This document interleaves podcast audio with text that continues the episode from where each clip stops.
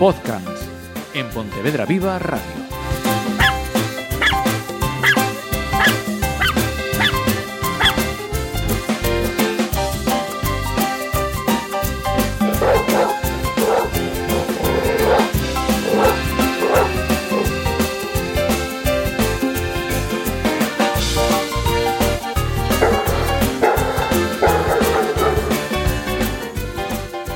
Hola, saludos. Eh, Ya estamos aquí con otro podcast de Podcasts y para ello tiene que estar sí o sí Diego Álvarez, nuestro adiestrador canino. Bienvenido y muchas gracias, Muchas una semana más. Mientras no me sustituyáis, sí, me Eh, en viniendo. absoluto, en absoluto.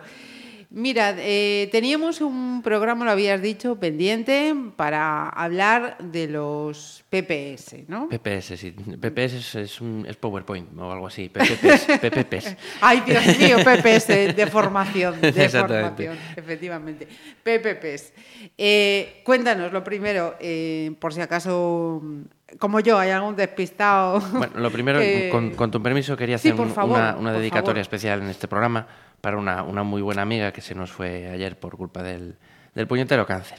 y, y quería dedicarle a ella y a sus hijas y a su, y a su marido el programa de hoy, porque bueno, es- es, eh, fue una persona muy importante y bueno, una, una ¿cómo se llama? una colaboradora de, de- bueno, fue de la directiva, luego colaboradora en Palleiros Ajá. y bueno, conozco, mm, conocí poca gente con, con la pasión con la que tenía Carmen por, por los perros y además viéndolos siempre, pues como me gusta verlos a mí, como perros. Ajá. Entonces va dedicado para ella. Pues eh, este programa va para ella de- decir que esto fue lamentablemente el miércoles, ¿no? Eh, sí, Estamos, eh, quien nos esté escuchando en el streaming es domingo, Exactamente, falleció, falleció ayer por la a- noche. A miércoles. Pues eh, va por ella y como decíamos, hoy vamos a hablar de PPPs. Exactamente. ¿Qué son y quiénes son? Vale. Explícanos. Pues las siglas, eh, bueno, como la mayoría de la gente sabe, lo que, lo que significan es perros potencialmente peligrosos. Por ahí, desde mi punto de vista, llamamos mal. Ya estamos poniendo un calificativo a, a unos animales. Eh, luego veremos que, que sí existen ciertos factores de riesgo, pero me parece que no, no es la mejor forma de, de denominarlos. Es como cuando, no sé dónde era, creo que era el corredor de Morrazo, querían quitarle lo de corredor porque incitaba a correr. Ajá, efectivamente. Pues entonces vamos a buscar un poquito, o como cuando hablamos, no es que tiene Asperger o tiene tal, que hay una terminología, pues llamarlos así, cuando menos ya la gente la cojona. Entonces Sí. no, no me parece la mejor forma. Ajá. Pero bueno, Bien. ¿quiénes son este tipo de, de perros? Pues aquellos que en teoría pueden hacer un ataque provocando lesiones graves o incluso la muerte. Desde mi punto de vista aquí ya cometemos un error. Porque evidentemente voy a hablar de razas, luego voy a explicar ciertas cosas, pero ni demonicemos ni nada por el estilo. Un Rottweiler, si a mí me pilla por banda, me puede destrozar y me puede matar. Pero es que un cocker, a un niño a lo mejor de tres años, también lo puede matar y lo puede destrozar. Entonces, me parece el, el calificativo un poquito, un poquito gratuito, sí. Vale. ¿Cuáles son? Pues en España a nivel estatal, eh, ahora mismo están el Porque, espe- espera que te interrumpa, digo, em, con esa salvedad que nos has hecho, ¿no? De, de- denominación, eh, digamos que hay una normativa que incluye una serie de razas dentro de esa clasificación. Exactamente, ¿no? pero bueno, Ah, luego vamos a ver que hay incongruencia, porque Ajá. cuando veamos otra, otra de las características de estos perros, prácticamente podríamos decir que Bella es un PPP también. Ajá. Entonces, eh, por eso es una serie de, de- de- de- de, ah, cosas absurdas, que es una ley que se ha hecho con los pies, que se hizo a prisa. Pues mm, probablemente por la cantidad de en medios de comunicación que salió ataques de tal, ataques de cual, y el Estado se quiso cubrir las espaldas y, y hizo esta ley. Hizo. Exactamente. Entonces sí se incluyen ciertos, ciertas razas, eh, como son el Pitbull Terrier, el Staffordshire Bull Terrier, American Staffordshire Terrier, Rottweiler, Dogo argentino, Fila brasileño, Tosa Inu, Akita Inu y cruces de, de estos. De estos. Exactamente. Eh, cruces de estos. Nueva incongruencia. Por lo que tengo entendido, quien decide si es cruce o no es el veterinario. Con lo cual, ideal, vamos a tener un amigo veterinario. Así no me lo mete como PPP. Y con esto no quiero decir que los veterinarios hagan trampas ni nada por el estilo, pero bueno, sabemos cómo funcionan las cosas. No me lo pone como PPP, me ahorro un seguro especial, eh, no lo tengo entre comillas que llevar con bozal. Entonces, nuevamente, muy relativo. No sé si hay, la verdad es que no lo sé, si hay pruebas genéticas para determinar si vienen de un tipo de raza o no. No creo que nadie las vaya a pagar, con lo cual es absurdo. ¿Qué más perros están aquí incluidos? perros que hayan sido adiestrados para el ataque. Es decir, perros de guardia y defensa, perros, eh, perros que trabajan, por ejemplo, en RCI, Ring, este tipo de cosas. Eh, aquellos perros que manifiesten un carácter marcadamente agresivo y hayan sido objeto de al menos una denuncia por dicha circunstancia que haya protagonizado agresiones a personas o ataques a otros animales. ¿Cuántos perros conocemos que no se hayan peleado con otro perro? Con lo cual, al final nos metemos todos. Porque, sinceramente, a Bella la cantidad, y vuelvo a decir, no quiero ofender a nadie, la cantidad de pinchers, chihuahuas, yorkshires que le han atacado, evidentemente el daño que le pueden hacer es mínimo. Pero, la intención es la misma y existe ese ataque. Yo voy, denuncio y ¿qué hacemos? Metemos al Yorkshire como PPP. Es eh, otra, otra incongruencia más. Luego, perros que poseen las siguientes características. Fuerte musculatura, aspecto poderoso, robusto, configuración atlética, agilidad, vigor y resistencia. Aquí todo es muy relativo, ¿vale?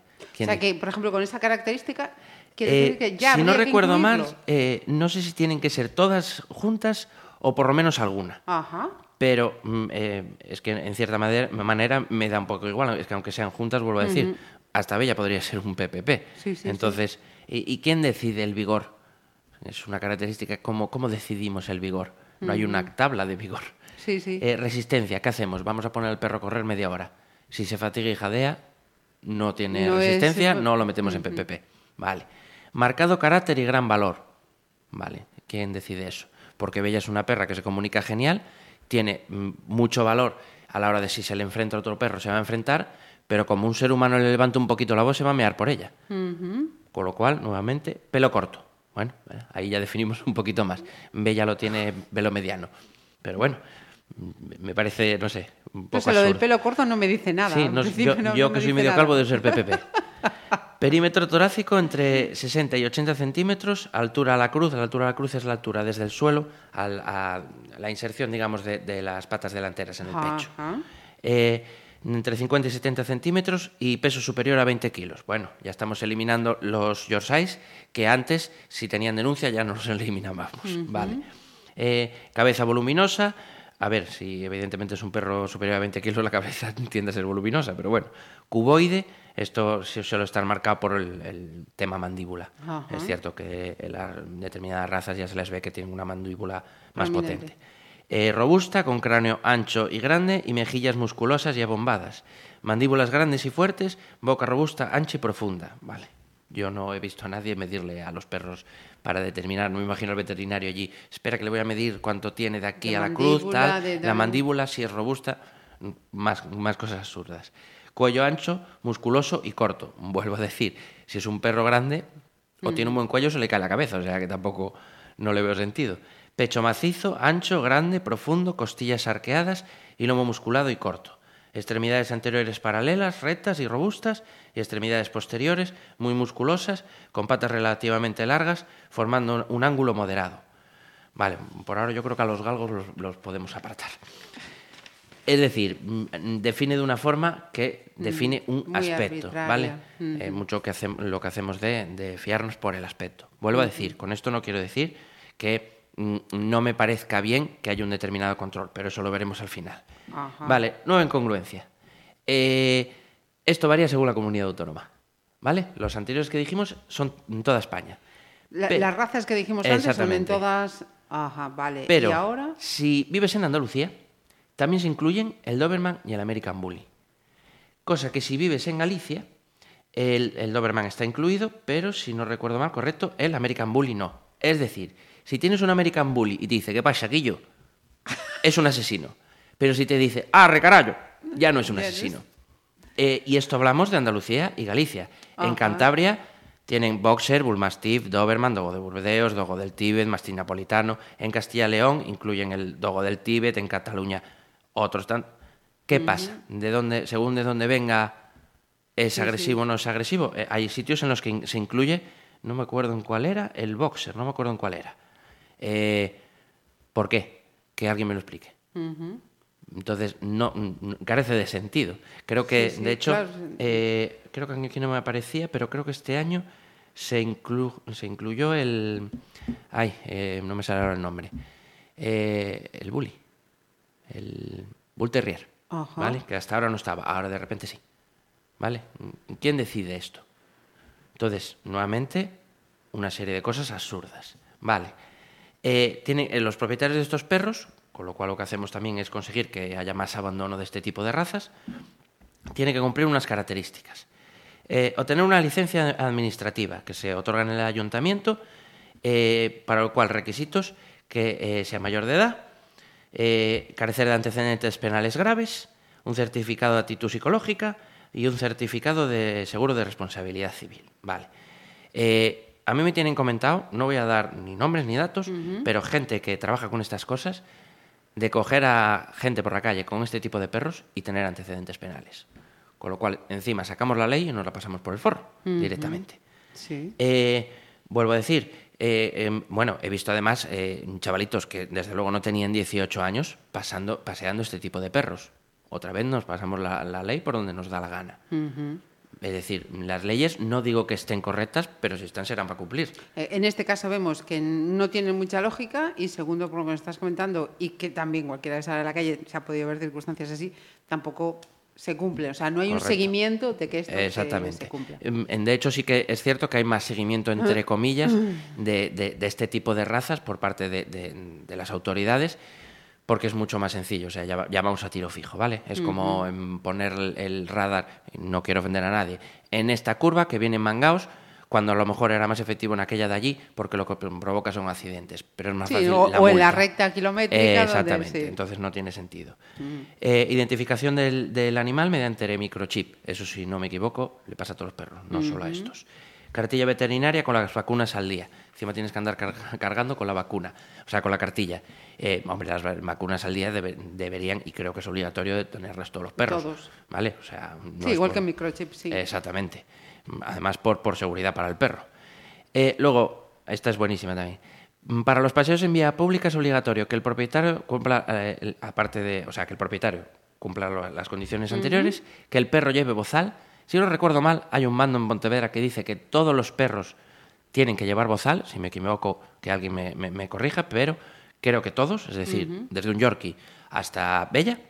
Sí, sí. Eh, problema con esto, eh, no hacemos habituación al bozal. ¿Qué quiero decir? No, justo de- si no recuerdo mal, la semana la pasada semana fue la habituación. y de efectivamente, una sensibilización. pregunta que, habíamos, que habían planteado. Cogemos al perro, a la calle, pum, bozal. Entra en un proceso depresivo brutal. Eh, mm, como está cohibido, no olfatea nada.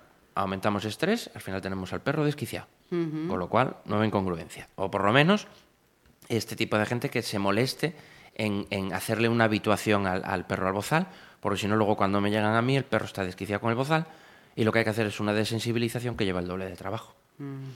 Luego, que el perro vaya atado con una correa que no supere los dos metros de longitud, menos mal que damos dos metros, porque muchos de, de los propietarios de este tipo de razas llevan correas de 50 centímetros, que ya explicamos el otro día, que impiden el olfateo, con lo cual el perro anda desquiciado. Y menos, en, vuelvo a decir, si estás en la comunidad autónoma de Andalucía, la correa debe de ser de un metro máximo de longitud y no pueden en ningún caso transitar por lugares de ocio y esparcimiento de menores de edad como los parques.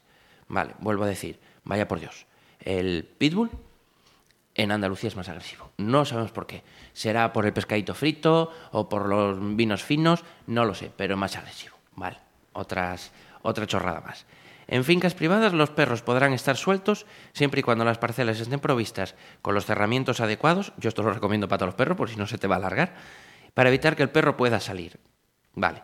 Y de lo contrario, los animales deberán permanecer atados o en el interior, o en el interior eh, de instalaciones habilitadas a tal efecto. Mm, ojo, que yo sepa, hay una ley que dice que un perro puede pasar un número máximo de horas atado. Es decir, si la finca no está cerrada, el perro pasa 24 horas al día atado. Mátalo, mátalo ya, porque realmente le vas a hacer menor daño eh, psicológico al perro si lo matas que si lo tienes así. así. Con lo cual, no tiene sentido. ¿Vale? Ahora, metámonos en, en- en- en lo, que, en lo que yo trabajo, en la agresividad. Un perro no es agresivo, ¿vale? O sea, es como cuando oigo, es que mi perro es malo. No, volvamos a lo mismo. Lo dijimos 20 veces, ni un perro es malo, ni un perro es bueno.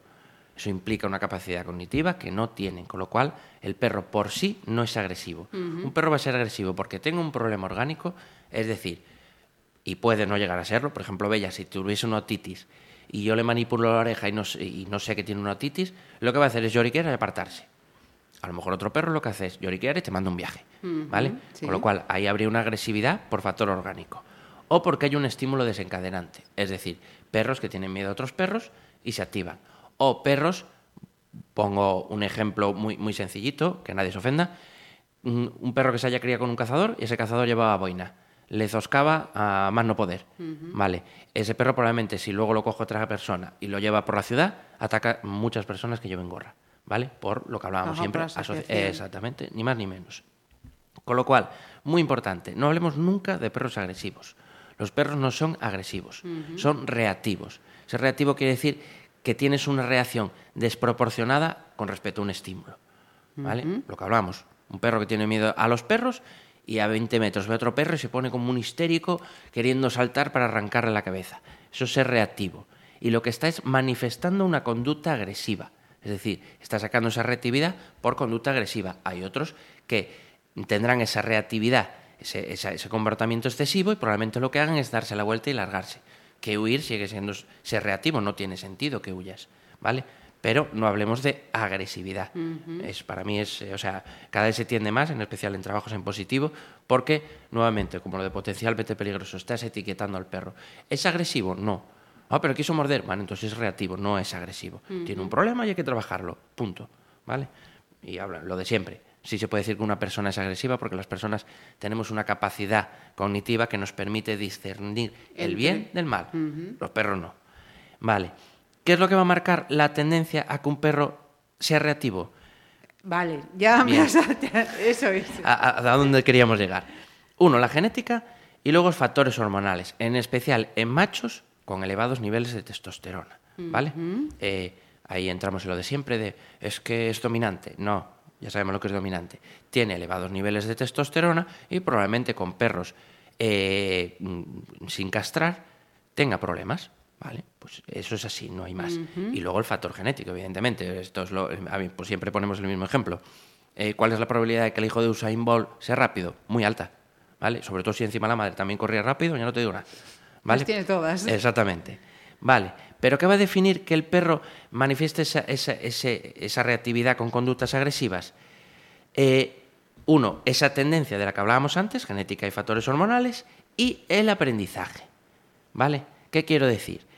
Que si yo tengo un, un perro, un eh, vamos a poner un macho que es más fácil de verlo, cuya genética sus padres ya tenían una tendencia, eh, y encima eh, de unos cojones como camiones, y unos niveles hormonales brutales, ¿va a ser agresivo? No, porque va a depender de lo que yo lo eduque.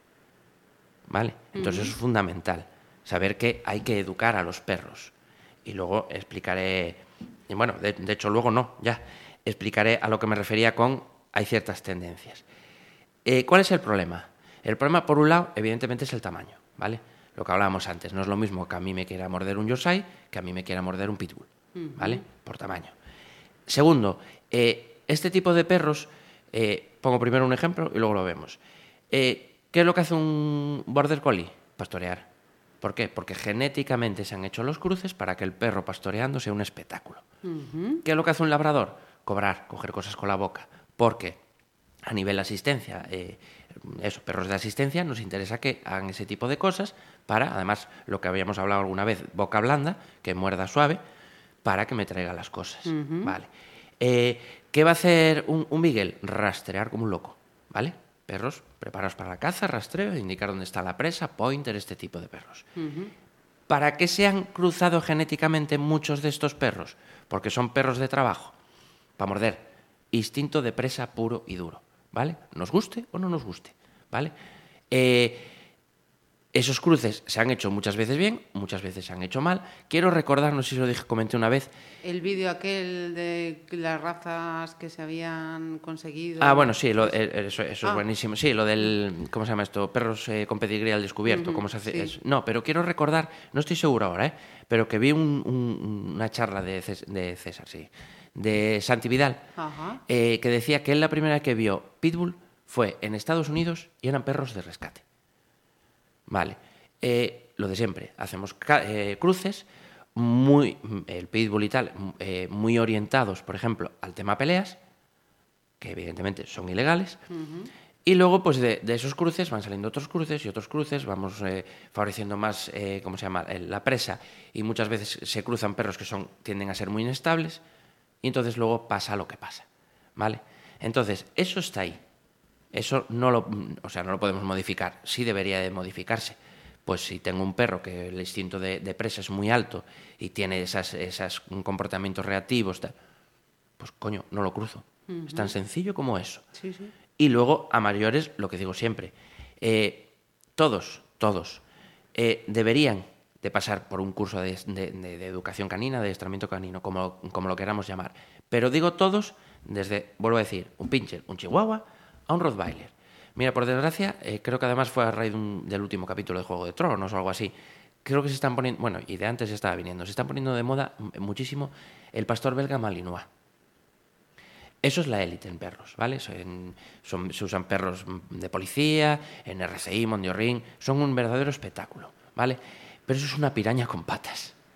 Como no controles de perros, vamos, no sabes dónde te estás metiendo. Vas a tener un perro que como no lo sepas llevar, va a empezar a lanzar dentelladas que prepárate a lle- a llevar denuncias por todos los lados.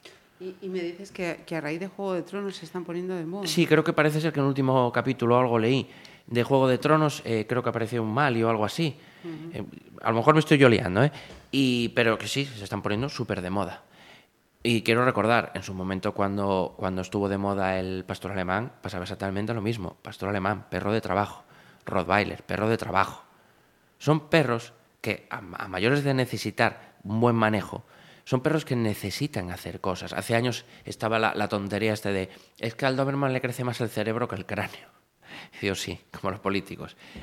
Vamos a ver, dejémonos de tonterías. En su momento se demonizó al Doberman porque son perros de trabajo y queremos tener a un Doberman como tenemos un labrador. Que el labrador necesita hacer cosas, pero probablemente lo que comentábamos siempre, esos niveles de estrés elevados y mal gestionados no los va a sacar mordiendo, los va a sacar cogiendo cosas. O el border collie pastoreando. Pues el pastor alemán, el, el malinois, el rottweiler, el doberman, los va a sacar mordiendo. ¿Vale? Entonces, de ahí viene la historia. Eh, ¿Qué quiero decir con esto? ¿Estoy a favor de la ley? Para nada, me parece escrita con los pies. Eh, ¿Estoy de acuerdo con que haya control? Sí. Pero, punto uno, tiene que haber control con todos los perros. Aquí viene un poquito como, todo, en, España. El problema viene de base. Tiene que haber control con todos los perros. Pero, evidentemente, si yo tengo un perro que mm, la, proba- la probabilidad, no, perdón, la posibilidad de, de generar mucho daño es muy elevada, pues a lo mejor el control tendría que ser más, ¿vale? Eh, yo, como ya comenté muchas veces, eh, he trabajado tanto con métodos clásicos como ahora que trabajo con métodos en positivo. Yo creo que es esto es de las pocas cosas en las que voy a estar de acuerdo a los de clásica y a los de positivo. Y además todos ponían el mismo ejemplo. ¿Cuál es la diferencia entre tener un labrador y tener un malinois, un pastor alemán, un rottweiler?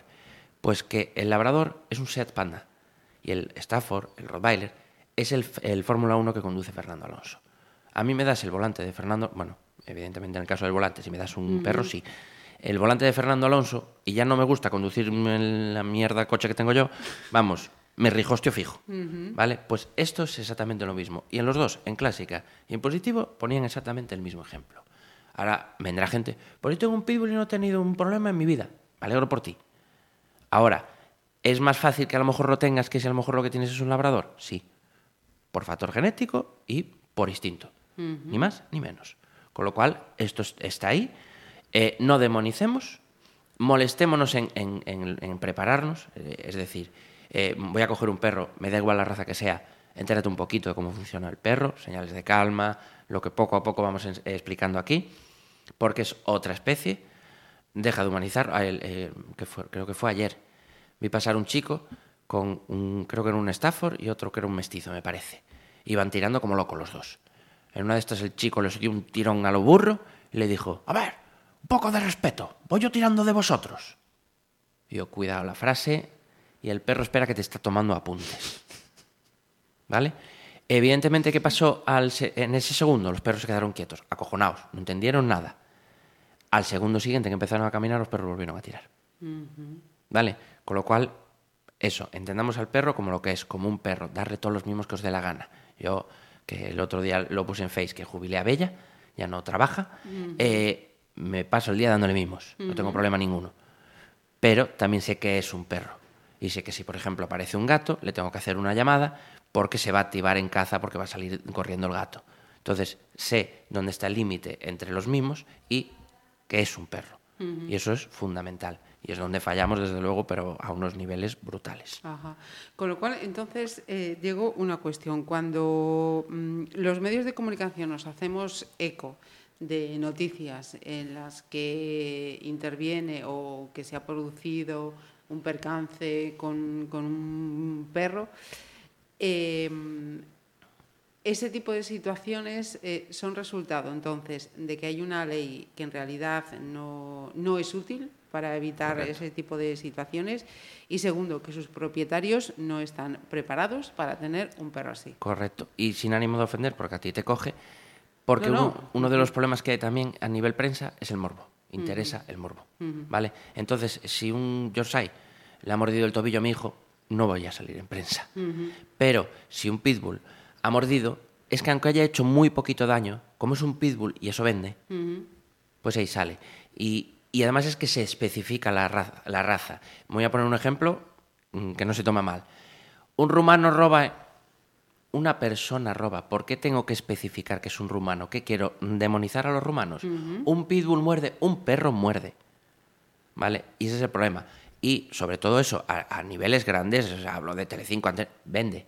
Eso vende. El país. Sí, eso sucesos, mola. son Exactamente. sucesos. Y además es que yo es que no ni leo prensa ni veo televisión, no tengo antena conectada en casa. Pero cuando me coincide de verlo en un, en un bar o lo que sea, las noticias son así, vender el morbo, ¿vale? Y ni siquiera, digamos, aportar un poco de, de decir, eh, a ver si se pone una solución a esto. No, no, no, no. Ah, como- Claro, ahí, ahí iba. Eh, tú que estás en, en este sector, en este tema, en esta eh, educación, em, ¿tú crees que em, hay un interés o hay posibilidades de que esto se varíe para que... No, mm, pienso que tanto a nivel político como, como a nivel individual no apetece. Eh, yo hay gente a la que le tengo dicho, conocidos así, eh, joder, cogiste un perro, te doy una charla gratuita, no te preocupes, y te explico, no aparecen. No hay interés, es muy bonito tener el perro, por eso digo, lo que tendrían que venderse son peluches. Eh, mm, es muy bonito tener un perro, pero cuando tengo que hacer un esfuerzo, ahí ya... Y cuando me da problemas, claro, como no es un niño, ya esto lo puedo abandonar o meterlo en una perrera, pues ya está. Entonces no, no, o sea, eh, esto es como lo del exceso de velocidad. O tomamos medidas mm, con sanciones duras, que en España no las hay, o vamos a estar igual. Entonces no, no, en ese sentido no, no, no damos evolucionado, sinceramente. Ya. Mire, y a- aprovecho, ya que estamos en, en, en podcast, em, una, una, una- una queja personal, Sí. con permiso. No, no, no es por, sino una situación con la que me he encontrado y que, bueno, es por mi forma de reaccionar, ¿no? También será porque me han educado así. Dices, bueno, venga, va- vamos a, a tranquilizarnos. Eh, corredora habitual, vas a No hace falta ni que sigas. Ya te sabes la... Eh, la gente tiene el respeto por los perros el mismo que la gente que tiene perros el respeto por las personas. Y ese es otro. Me imagino que irían por ahí los tiros, ¿no? Claro, que vas corriendo, el animal se, Se te te viene, echa. no sabes si, si quiere jugar, si no quiere jugar, si... Pero claro, tú te frenas, te sí. paras, Sí, sí. mm, te puedes caer, te puedes no caer, le puedes hacer daño al animal, te puede hacer daño al animal a ti, pero es que encima a los propietarios les hace Les gracia la situación. O les hace gracia o les- si les dice algo, encima les ofende. Claro, entonces, Correcto. en vez de ir y decirles, mire, sois tal o no sois tal, te callas, te aguantas, te llevas la mala leche o echas la mala leche corriendo un poco más. Exacto. Estoy totalmente de acuerdo. Yo no sé si lo habíamos llegado en algún programa a comentar. Eh, hay mucha costumbre, por lo menos en Pontevedra, de vaya mierda parque perros que tenemos. Empieza por ti, educa a tu perro. Porque a lo mejor si educas a tu perro, no te haría falta ni que hubiese- hiciese- hiciesen falta eh, parques. Porque tu perro podría ir por la calle suelto. Pero si tu perro lo sueltas en la alameda y va a esos niños a robarles el balón, o va ese otro niño a robarle la merienda, pues por tu culpa yo a mi perra no la puedo llevar suelta. Con lo cual, esto es lo que comentamos siempre, de un lado y del Y otro. de otro. ¿vale? Yo soy de los que voy caminando y en cuanto veo a alguien de frente me aparto por si le tiene miedo o incluso asco a los perros, que hay gente que le pasa, igual que hay gente que le da asco a las arañas, les pasa, me aparto yo. Y cuando a veces estoy trabajando con un perro, se te para aquí, no que se aparte él. Vamos a empezar desde abajo. Como por ahora mm, la gente les tiene miedo, asco, y están hartos de ver mierda en el suelo, empieza por aquí. Y luego ya exigiremos. Antes de exigir, da. Esto es como lo de antes de, de dejar entrar, dejar salir, ¿no? Pues es lo mismo. y, y- y hay esa falta de respeto por los dos lados. Por los dos lados. Yo- no se me olvidará una vez eh, paseando por cerca donde vive mi madre, que me puse a subir una cuesta que es estrechita, y de repente veo una chica que se queda súper parada. Bella, sí, era bella. La llevaba suelta, ve, ven aquí. Vino y digo, pasa, pasa. Es que les tengo miedo. No, no, pues entonces vamos por otro lado. No, no, no, doy yo la vuelta y yo. No, faltaba más. Doy yo la vuelta y va. Eso es respeto, eso es educación. Y la tiene que haber por las dos partes, no solo por una. Y no pidas respeto y educación si tú no lo tienes. Dicho queda, muy bien. Eh, seguimos avanzando. Eh, vamos esta semana con recomendación de vídeo, de libro, ¿qué tenemos? Libro, toca libro. Toca libro. Es un, un libro de Patricia McConnell, yo con mi inglés de Cuenca, que se titula eh, Al otro extremo de la correa. Es, es- es muy, muy, muy interesante. Y además así cuentan anécdotas y tal. Es un, un libro muy, muy entretenido. A mí, a mí me gustó bastante. Y además la definición está muy bien. Que tengamos en cuenta lo que hay al otro extremo de la correa. No a nosotros, sino a los perros. Entonces me parece, como título me parece muy bueno. Perfecto. ¿Y eh, frase? La frase, hoy eh, toca Nelson Mandela. Y como no, de, de educación. Ah, mira. La educación es el arma más poderosa para cambiar el mundo. Y volvemos a lo de siempre. Por eso a mí me gusta tanto, pues como lo, lo último que hice con Bella el, el viernes pasado, una charla en el, en el cole de, de mi hijo para los niños. Es con lo que vamos a cambiar el mundo. Eh, yo creo que por eso cada día más interesa que, que la gente tenga poca educación, por si tienes poca educación eres muy manejable. Entonces, eh, mm, y cuando hablo de educación no me refiero a que tengas una carrera. Conozco cada cenutrio con carrera que sí, es tremendo. sí, hay gente que pasa por la universidad, pero la universidad no pasa por la Eh, persona. Exactamente. Y luego conozco gente que no estudia carrera en su vida y que a nivel personal y a nivel mm, mm, De todo. están preparados que no veas. Entonces eso es fundamental. Y eh, otra parte fundamental también de este programa, recordamos a esos animalicos que, que reclaman adopción o acogida. Exacto. Como no, tiene, tiene que ser de Palleiros por, por Carmen. Es una, una perrita que se llama Flor, tiene alrededor de siete añitos. Eh, es de tamaño pequeño. eh, se lleva bien con personas y con perros, pero ya tuvo una, no, no recuerdo si fue acogida o adopción, no se lleva bien con animales de granja, ¿vale? Se quedaron sin pollitos. Con lo cual, si tienes granja y pollitos, no cojas a la perra. Eh, es una mestiza, está esterilizada. Como os digo, eh, está en, en la protectora de Palleiros. El teléfono de contacto es el, aunque luego siempre lo ponemos en, en- en el podcast, 657-023-831 o si no, a través del privado en el Facebook de Protectora de. Animales Os Palleiros. Lo vinculamos. Exactamente, también se pueden poner en contacto.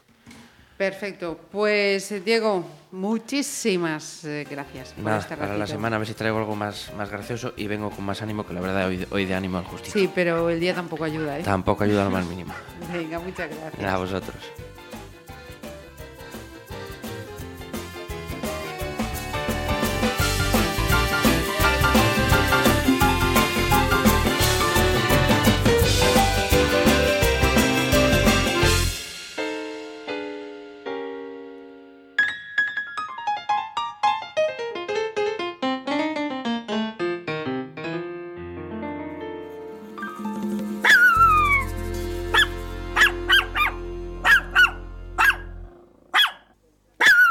Podcasts en Pontevedra Viva Radio.